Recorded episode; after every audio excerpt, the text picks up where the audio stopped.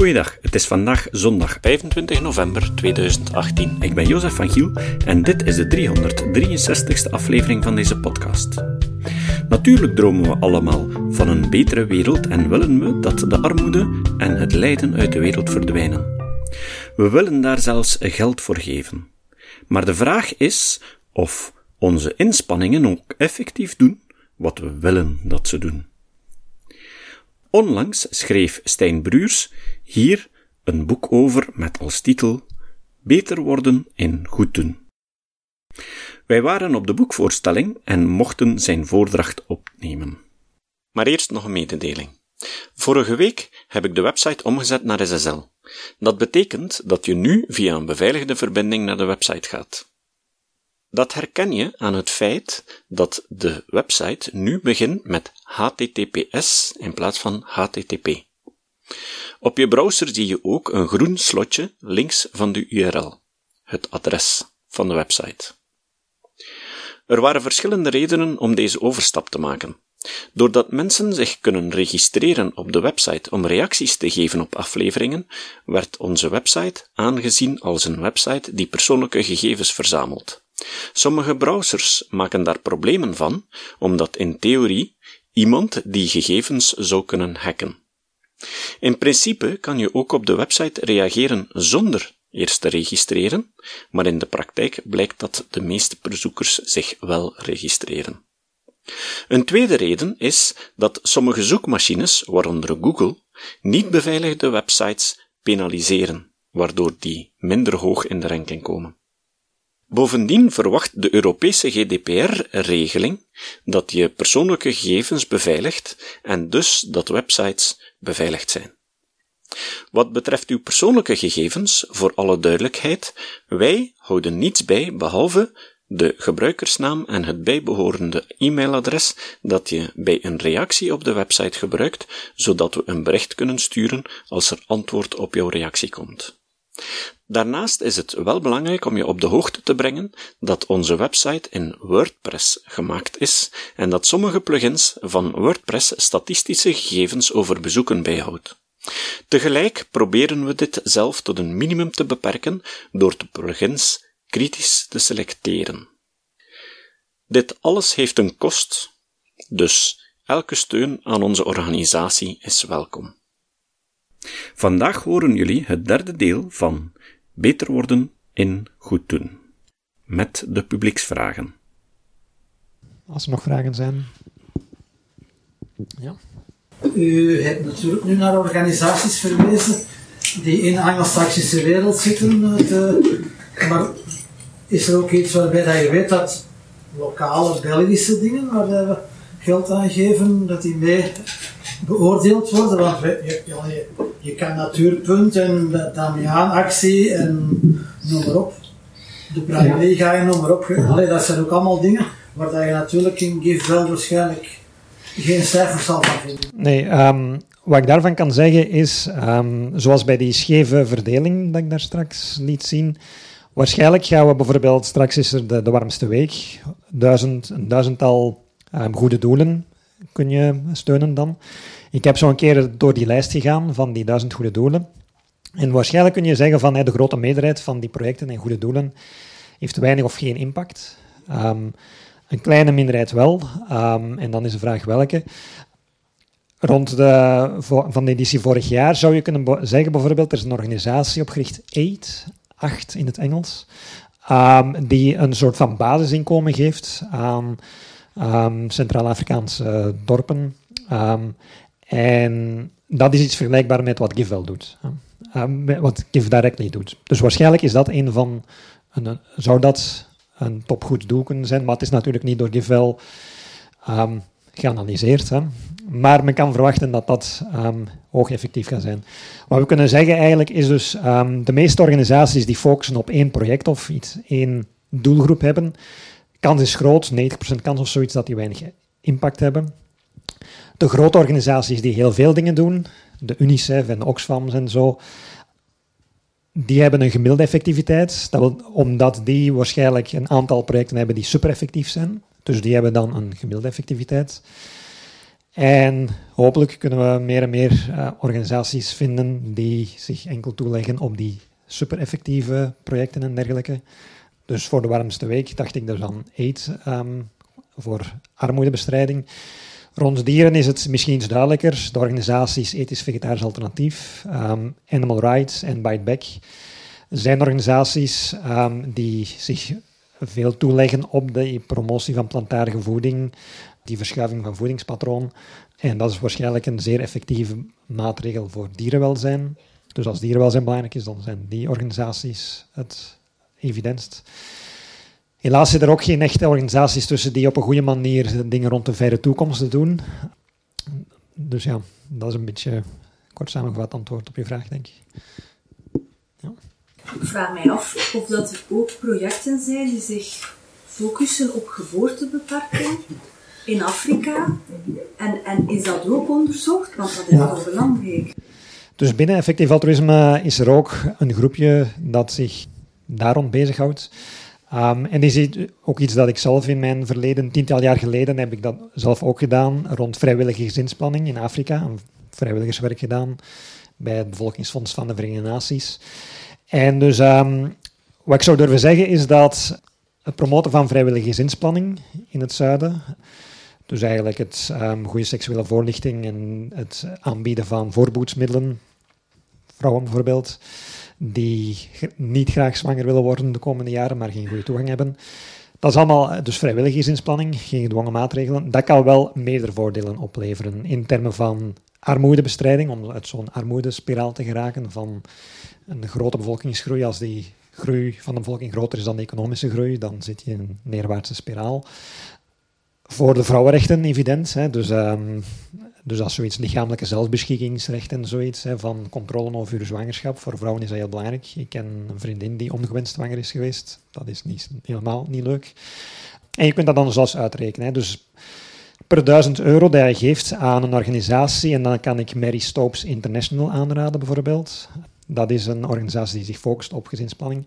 Duizend euro aan dergelijke organisatie kan ongeveer 17 ongewenste zwangerschappen voorkomen, waarvan er een achttal abortus gaan zijn, waarvan er een drietal met complicaties door slechte omstandigheden, illegale abortus in het zuiden, dan weet je dat dat moeilijker ligt. Twee miskramen vermijden en zeven geboortes vermijden. Dus dat is redelijk veel. Die zeven geboortes, dan kun je dat ook bijvoorbeeld gaan uitrekenen, de milieu-impact. Er waren dan zeven kinderen geweest die dan ook al stoten ze in Afrika weinig CO2 uit of hebben ze weinig impact, toch, als die een leven lang hadden geleefd, je vermijdt dan ongeveer 100 ton CO2 door die 1000 euro. Dus minder CO2 in de lucht. Ik wil maar zeggen, dat is opnieuw een win-win situatie. Je kunt uitrekenen hoeveel minder vrouwen er sterven in het kraambed, hoeveel minder weeskinderen er gaan zijn. Die cijfers staan op mijn blog. Als je kijkt naar de belangrijkste drie maatregelen, de belangrijkste drie win-win-win maatregelen, op mijn blog, als je daar naar zoekt. Veganisme is er dus één van met meerdere winmaatregelen. Vrijwilligersinspanning is een tweede, dus goed voor vrouwenrechten, armoedebestrijding, milieu. En dan nog een belastingverschuiving zou een derde maatregel kunnen zijn, dat ook meerdere winsten heeft. Ja. Ik heb eigenlijk geen veel vragen, maar ik toch een keuze. Esther Duflo die deed ook onderzoek naar effectiviteit van, van liefdadigheid eigenlijk. En uh, onder andere een van de dingen dat ik gelezen is of dat je muskieten hebt, en ik dacht dat je het daar straks over ging hebben, moet cadeau geven of verkopen enzovoort. Heb je daar onderzoek gelezen en is dat degelijk materiaal? Ja, dus uh, Esther Duflo is ook een van de bekende namen binnen effectief altruïsme, omdat zij zich ook toespitst op die randomized control trials en meta-analyses daarvan. En zij heeft dus inderdaad onderzoek, ik weet niet meer de resultaten van, men heeft dan echt um, getest van ofwel gaan we het um, aan een heel goedkope prijs verkopen, de muskietennetten, of we gaan het gratis verdelen. Ik denk dat gratis verdelen effectiever bleek te zijn. Nee, dat is omgekeerd. Of omgekeerd.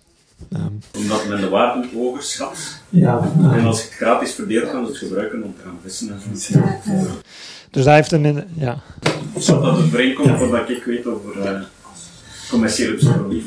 En dus inderdaad heeft men ook gekeken naar de schadelijke neveneffecten. Dat zijn dus muskietennetten die met een insecticide zijn geïmpregneerd.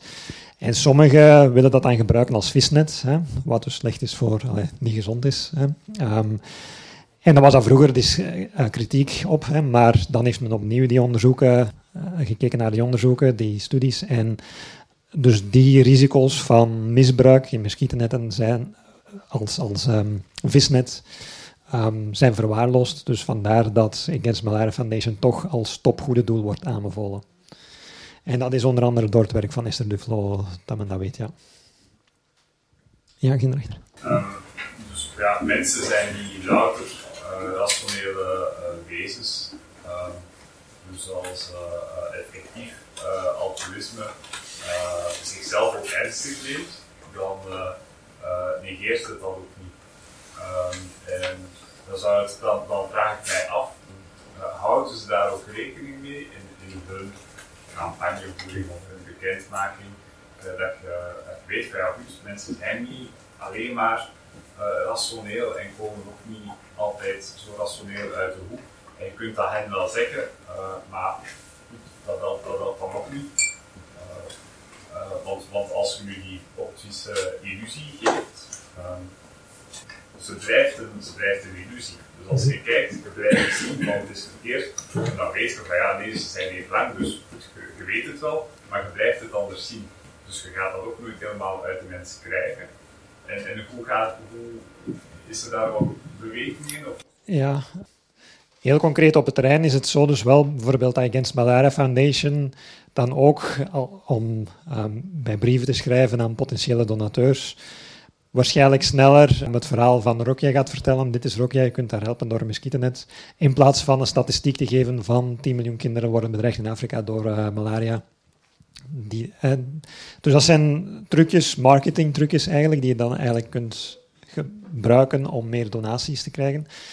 Er is wel redelijk wat discussie over in hoeverre dat, dat al dan niet misleiding is en moreel verantwoord is, van op welke manier is dat echt autonomie respecteren van mensen of is dat manipulatie? Want je kunt mensen wat nudgen in. Hè, um, dus men heeft veel kennis van gedragseconomie en van wat ze noemen nudging, om mensen aan te zetten om mee te doneren. Maar wat wel meespeelt ook, is zoiets van bijvoorbeeld de boodschap van vanavond. Stel, ik vertel nu allemaal heel rationele cijfers en dat soort zaken. En dan kun je zeggen van ja, dat slaat niet aan. Ik had beter een emotioneel verhaal verteld van één, eh, wat beelden laten zien van een veeteelt en zo. ik weet niet, een lekker vegetarisch receptje laten proeven en zo. Maar het is wel zo, dus als bijvoorbeeld, stel door een rationeel betoog, kan ik één iemand van jullie overtuigen om een slimmere keuze te maken en een goed doel dan te steunen dat honderd keer effectiever is. Hè? dan is dat eigenlijk het equivalent alsof dat ik iedereen van jullie overtuigd heb om jullie donaties te verdubbelen, bijvoorbeeld. Stel, er zijn 100 mensen of zo, en een van die 100 gaat een goed doel steunen dat 100 keer effectiever is. Dat is eigenlijk hetzelfde als heel, al die 100 mensen overtuigen om een donatie aan een goed doel te verdubbelen. En zo is dus eigenlijk bij dat effectief altruïsme niet zozeer de bedoeling om echt iedereen proberen te overtuigen of zoiets. Al maar meer zoiets van moeten focussen op die potentiële ja, rijke filantropen of mensen die slimmere keuzes kunnen maken met een carrière of zoiets, een kleine minderheid. En als je die kunt goed begeleiden tot het eh, maken van honderd keer effectievere keuzes, daar zit heel veel potentieel impact in. En daarvoor heb je dus wel alles rond kritisch denken en rationaliteit en zo voor nodig. Maar het is een en-en verhaal een beetje, hè, want natuurlijk zal GIF, zullen die organisatie van GIF wel ook wel weten hoe dat ze het beste een brief moeten schrijven aan potentiële donateurs en zo. En ja, er is fondsenwerving, hè, die, organisaties doen aan fondsenwerving en gebruiken daarbij de klassieke emotionele marketingtrucjes. Er wordt nogal eens beweerd dat de NGO's tot 30% dus van hun fondsen gebruiken voor reclame voor hun fundraising. Is dat waar of wat denkt u daarvan? Dat kan waar zijn. Um, maar als effectief altruïst is dat totaal irrelevant. Het is eigenlijk een beetje vergelijkbaar als je een computer wil kopen in de winkel. Hetgeen wat u echt interesseert is de prijs-kwaliteitsverhouding. Wat kost het en wat kan die computer? Van geheugen en van mogelijkheden en zo. Prijskwaliteit. Als je in een computerwinkel staat, dan ga je niet afvragen wat is het reclamebudget van Apple. Wat verdient de CEO van Microsoft? Wat zijn de overheidskosten en administratiekosten van die organisaties? Totaal irrelevant. Je wil gewoon weten hoeveel geheugen en wat kan het allemaal, kwaliteit tegenover prijs. En zo zouden we eigenlijk als donateurs voor goede doelen moeten kijken zoals een consument in de winkel. Hè? Welke koekjes zijn het lekkerst en het goedkoopst, die verhouding. En wat dat de baas van de koekjesfabrikant verdient, ja, dat is niet belangrijk. Wat dat uh, het salaris is van de directeur van Artsen zonder Grenzen, niet belangrijk. Hoeveel het fondsenwervingsbudget is, totaal niet belangrijk. En dus stel bijvoorbeeld, hè, met die fondsenwerving kan het zo zijn dat je, als je geld geeft aan een fondsenwerver, 1 euro, dan gaat die mens fondsen werven en dan gaat die bijvoorbeeld ervoor zorgen dat andere mensen bijvoorbeeld 3 euro doneren. Dus doordat ik die 1 euro heb gegeven, gaat netto gezien de organisatie 2 euro krijgen. Ja, dat is een multiplicatoreffect. Dus dan, als dat het geval is, dan wat maakt het uit dat, dat die organisatie 50% of zo aan fondsenwerving besteedt, als elke euro dat je aan een fondsenwerver van die organisatie geeft, zich dubbel terugverdient. Dus dan hetzelfde met overheidskosten en zoiets, administratie en dergelijke. Dat kan juist betekenen dat je eh, goede managers hebt die goede keuzes maken, dat je bij overheidskosten, hè, dat je um, ja, het beleid goed evalueert en bijstuurt en dat soort zaken. Um, dat zijn allemaal dingen die bijdragen aan overheidskosten, maar kunnen er ook voor zorgen dat je organisatie effectiever wordt. Dus percentage overheidskost of zoiets, dat is niet belangrijk als je goed doel wil steunen. Um, GiveWell kijkt daar niet naar of onrechtstreeks naar. Um, GiveWell kijkt vooral naar de prijs-kwaliteitsverhouding. Dus als die kosteneffectiviteit, hoeveel levens redden per euro, dat is zoiets als hoeveel geheugen heeft de computer per euro. ja. Uh, geen achter. Ja, ik zou daar nog eens aan willen u niet vergeten of maar aanvullen wat meneer vraagt is dus inderdaad juist waar gaat uh, zo'n gedeelte van die prijs naartoe. Maar ik weet dus een beetje uit ervaring, ook met foster parents en zo, dat ik dat ook leren kennen heb, doordat ik het leren kennen, dat, eh, dat ik het wist. Want men moet op de hoogte zijn van, zoals u zegt, op de hoogte zijn wat de verschillende aanbiedingen zijn. En daarop, en heb gelijk, denk ik, dat daar een bepaald budget moet uitgeschreven worden om de mensen te informeren over wat men doet en dat het kost geld, want dan moet je dan ook natuurlijk um, dus ook de research en zo daarvan betalen. Maar ik heb een andere vraag. Wat denkt u als deskundige over Greenpeace? Moeilijke vraag. Ik ben. Is het daar ook niet moeilijk in? Um... Omdat ik het. Uh, ik heb er ook over gelezen. Omdat ik het een bastion vind mm van niet-wetenschappelijke mensen, meestal mhm. vind ik, wat ik een beetje nagedaan. Uh, Misschien wel geleid door uh, wetenschappelijke mensen, maar dan heel snuggeren en heel uh, pinderen.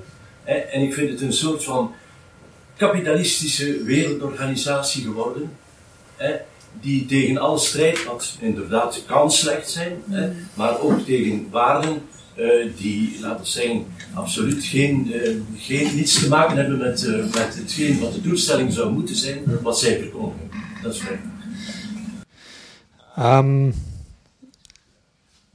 ik, kan er, ik zal proberen het antwoord kort te hebben, maar ik kan er heel veel over vertellen. Algemeen, Greenpeace, een grote organisatie die heel veel projecten doet. En dan kunnen we kijken naar die kosteneffectiviteit. We kunnen zeggen, er zijn een minderheid van de projecten van Greenpeace zijn heel effectief geweest. Sommige als ontbossing, belangrijk, over bevissing. Ik kan ook projecten noemen die daar heel doeltreffend zijn geweest. Rond uh, sommige dingen van klimaatzuinigere wagens en zo, lobbywerk dat ze gedaan hebben.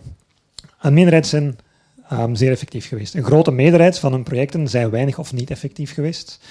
En, zoals ook kan gebeuren, kan het zelfs contraproductief zijn. Hè. Als ik dan kritisch mag zijn tegenover Greenpeace, hè, hoewel ik zelf nog redelijk wat sympathieën heb bij hen, en, maar ook met andere organisaties. Je hebt zo van die potentiële campagnes die kunnen averechts werken. Uh, campagne tegen glyfosaat nu, dat men glyfosaat wil verbieden, zonder daarbij eigenlijk een goed alternatief te hebben van, al was het, dus glyfosaat is een mogelijk schadelijke eh, herbicide, maar de andere herbicides zijn schadelijker. Dus je kunt zeggen van wij hebben hier een hectare uh, of 100 hectare waar glyfosaat op gebruikt wordt en we gaan glyfosaat verbieden. Stel dat je eraan slaagt dat 90% van dat land biologisch geteeld wordt zonder herbicide, maar dat er op die overige 10% een schadelijkere herbicide gebruikt wordt. En de andere herbicides zijn al gauw 10 of 100 keer schadelijker. Als die dan gebruikt gaan worden, dan riskeert men een averechts effect te hebben. Dat totale impact door een glyfosaatverbod. We gaan dan eigenlijk de milieuvriendelijkste herbicide eerst verbieden of zoiets. Dat kan averechts werken. Kernenergie is een tweede voorbeeld. Um, als je gaat uitdrukken CO2 per kilowattuur, aantal doden door ongevallen, vervuiling per kilowattuur, dan zit kernenergie in de buurt van hernieuwbare energiebronnen, zon en wind en waterkracht en dergelijke.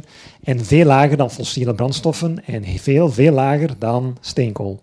Dus als men nu kernenergie gaat verbieden en dus we gaan die 1000 kilowattuur moeten vervangen, stel dat je maar een kleine procent van die 1000 kilowattuur gaat vervangen door steenkoolcentrales bijvoorbeeld, dan gaat uw totale milieu-impact en sterftes en CO2 en zo veel hoger liggen. Dus dat zijn potentiële campagnes die kunnen terugkaatsen, backfiren. Op mijn website heb ik meer andere voorbeelden van dergelijke campagnes die kunnen backfiren. Boycott van palmolie bijvoorbeeld is een volgende. Hè. Dus um, palmolie blijkt een van de um, hoogst renderende oliën te zijn. Wat men nu wil doen is bijvoorbeeld de choco. Ik eet geen choco meer met palmolie en ik eet choco met zonnebloemolie. Maar zonnebloemolie heeft veel meer land nodig. Dus als we allemaal zonnebloemolie gaan gebruiken, dan gaat er nog meer land nodig zijn. Nog meer ontbossing. Dus ja. um, ik denk dat we... Hoe laat zijn we ondertussen? Klopvraag. Stopvraag. Kort, kort. Ik nog één vraag willen stellen. Dus in Nederland is er nogal wat commotie over een natuurpark, waar dat er een overbevolking is van edelherk. Ze gaan er nu door 2000 afmaken. Dus die diertjes zijn dan waarschijnlijk dierenwensen perfect. Wat is uw mening daarover? Daarvoor kan ik verwijzen naar een artikel dat ik daar ook op, over geschreven heb. Bijvoorbeeld in de Oostvaardersplassen, het dierenleed. Binnen effectief altruïsme is het zo dat we bij dierenrechtenorganisaties en milieuorganisaties wordt het dierenleed in de wilde natuur sterk onderschat. En als effectief altruïst, als dierenwelzijn belangrijk is, dan is het ook belangrijk om iets te doen rond de wilde dieren, het welzijn van wilde dieren. Dus daar is een heel beweging op gang eigenlijk, dankzij effectief altruïsme, filosofen en zo die zich daar gaan overbuigen van hoe kunnen we op een veilige, effectieve manier het welzijn van wilde dieren ook bevorderen. Het gaat niet alleen over de dieren die wij kweken. En daar heb ik op mijn blog um, ook verschillende um, dingen over geschreven en ben ik ook de afgelopen jaren vrij radicaal van mening veranderd en vind ik het nu een topprioriteit geworden ook, dat dierenleed in de wilde natuur. Um, mijn stelling is, we moeten beginnen met wetenschappelijk onderzoek te doen om te zoeken naar veilige, effectieve interventies in de natuur om het welzijn van wilde dieren te bevorderen. Nu voor het moment, ga je afschieten of ga je ze laten lopen? Ik neig uh, heel concreet uh, bijvoederen um, op het moment. Maar dat is maar een tijdelijke oplossing. Ik denk dat we best nu beginnen met wetenschappelijk onderzoek. Dat is zoiets als 500 jaar geleden vragen wat gaan we doen tegen de pokken. En dan was het antwoord misschien bidden. Of, hè. Maar als me, toen had men nog niet de oplossing. Maar, maar wat we toen al wel had kunnen doen, is beginnen met wetenschappelijk onderzoek. Dat had men eigenlijk toen al wel kunnen doen. Dus nu hebben we nog niet de oplossing voor het dierleed in de natuur. Maar wat we nu al wel weten, is dat we nu wel kunnen beginnen met dat wetenschappelijk onderzoek. Uh, ik heb nog een kleine zaakje. Maar het is over de toekomst hoor. Ik heb uw boek met veel enthousiasme gelezen. Het is eigenlijk een verbeterde versie van het boek van Peter Sikker. U schrijft daar, dan, dan was ik echt verrast, dat effectief altruïsme ook zo'n grote invloed kan hebben op beleid het beleid van dat de Wereldgezondheidsorganisatie een bepaalde richting stuurt. En nu zei mijn simpele vraag: ziet u in de toekomst een mogelijkheid dat effectief altruïsme zoiets wordt zoals in de jaren 60, 70? Moest men overal milieu-effect-rapporteringen maken. Dat was het in goede milieu-effect-rapporteringen. Maar we natuurlijk de, het milieu al lang beschadigd was. En nu gebeurt eigenlijk hetzelfde. Dus ik kan, moet kanker onderzoeken. Maar eigenlijk aan preventie zijn ze nog niet echt begonnen. En dat is nu wel niet echt altruïsme, Maar het heeft wel iets te maken met goed doen en al effectief altruïsme. Dus mijn vraag is eigenlijk, ziet u toekomstmogelijkheden voor het effectief altruïsme in het beleid, gewoon in de politiek zo zeggen? Binnen effectief altruïsme wordt er serieus nagedacht over ehm, allerlei politieke beleidsmaatregelen en zo. Heel divers. Um, van hoe kunnen we ervoor zorgen dat de politici iets rationelere keuzes maken, dat er iets meer coöperatie is tussen landen. Dat, ja, ik kan er heel veel over vertellen, maar ik denk dat we best afronden. Um, maar het staat zeker op onze radar. Um, beleid is een potentiële hoge impact interventie. Goed. Soms worden dingen zo pas vanzelfsprekend uh, als je ze uitgelegd gekregen hebt, denk ik. Uh, uh, dat we, wat men in het Engels zegt, ja, evidence-based moeten te werk gaan. Dus moeten met wetenschappelijke gegevens en bewijzen werken omtrent altruïsme. Ik denk als je het boek van Stijn leest en naar hem luistert en kennis maakt met die beweging van effectief altruïsme, lijkt dat eigenlijk vanzelfsprekend, terwijl het tot, tot heel kort geleden het eigenlijk helemaal niet was. Hè. Uh, dat mensen hun buikgevoel gebruikten uh, om te doneren aan goede doelen. Ja, iedereen vond dat eigenlijk heel normaal. En nu, denk ik, bij mij is die klik toch ook gekomen, komt dat eigenlijk zeer onverstandig over. Het is alsof je bij de dokter gaat en, en die zegt, ja, ik doe maar wat, ik ga voort op mijn buikgevoel zo. Dat is misschien trouwens soms nog altijd zo, hier en daar. Uh, maar dat zouden we dan toch bizar vinden. Hè. We willen daar toch wetenschappelijke onderbouwing voor. En dus waarom niet ook in, in altruïsme? Mij lijkt dat nu, maar pas nu in zekere zin evident. Dus, dus wat meneer daar net nog vroeg, eigenlijk moeten we natuurlijk ook streven naar evidence based politics. Hè. waarom zou politiek niet evidence-based moeten? En dat lijkt eigenlijk nog meer evident in feite. Goed, dat wil ik toch nog even zeggen. Ik denk dat Stijn een van die mensen is die ja, ons bewustzijn opent, onze kijk verbreedt, ons scherper laat nadenken. En, en dat raakt echt aan alles. Hè. Bijvoorbeeld wat je zei over palmolie. Ja, bon, daar gaan die diepvrieskroketten van McCain. Hè. Dat is spijtig, maar het is niet anders. Hè. Dus uh, dat, is, dat heeft een effect op alledaagse dingen ook. Hè. Dat vind ik er ook zo belangrijk aan. Nu, uh, wilt u er echt meer van weten, dan moet u dus uh, Stijn zijn boek lezen. Dat is eigenlijk het hele idee van vanavond, hè, dat dat boek wordt voorgesteld. Dus we gaan nu de deuren vastdoen en, um, en ze gaan weer open tot alle, op het moment dat al zijn boeken die hij mee heeft verkocht zijn. Ja. Dus uh, die, die liggen daar achteraan. Stijn heeft niet zoveel tijd, want hij moet een trein halen. Dus u moet u een beetje haasten met die boeken. We gaan daar nu mee beginnen, maar ik zou hem graag nog bedanken met een, uh, met een applaus. Hè. Dank u wel, Stijn. Goed. En dank u voor uw aanwezigheid en misschien tot de volgende keer. Het deel rond dierenwelzijn vind ik zelf nog altijd een moeilijke. Moeten we alle dieren rechten geven? Ook bijvoorbeeld insecten en garnalen? Mosselen? Hoe ver moet je daarin gaan? Ik denk ook dat de mens het recht heeft om dieren te doden voor zijn eigen nut, maar niet om ze te mishandelen. Naast mijn huis bijvoorbeeld zitten schapen die gekweekt worden door een hobbyist in een ruime weide.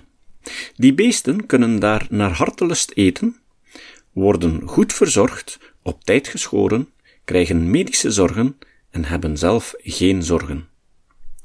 Die hebben een luizenleven. Maar op het einde van het seizoen worden ze verdoofd geslacht.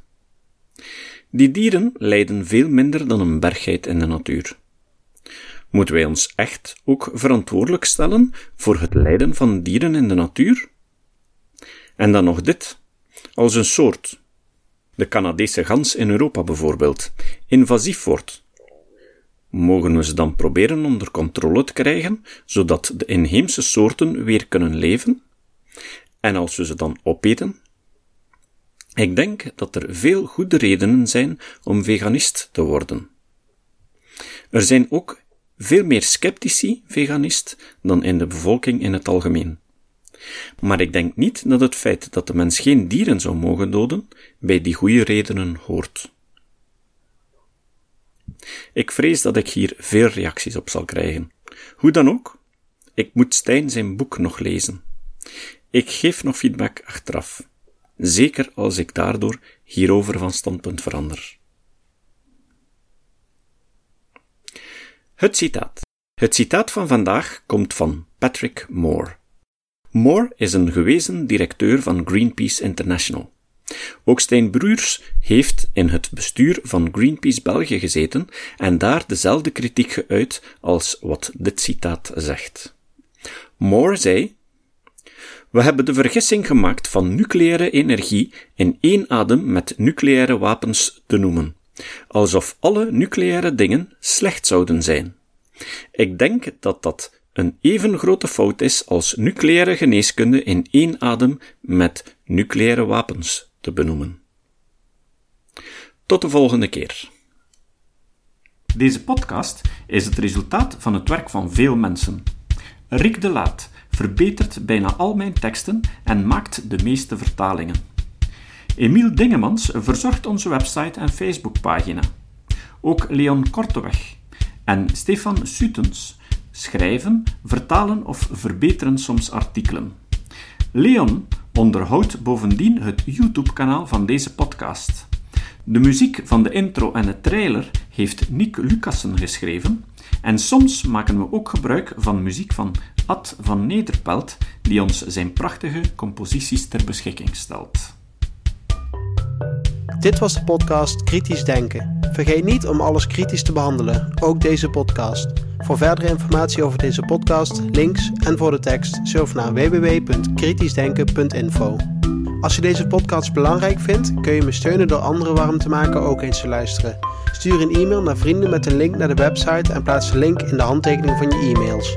Tevens kun je op iTunes deze podcast een beoordeling geven of een recensie schrijven.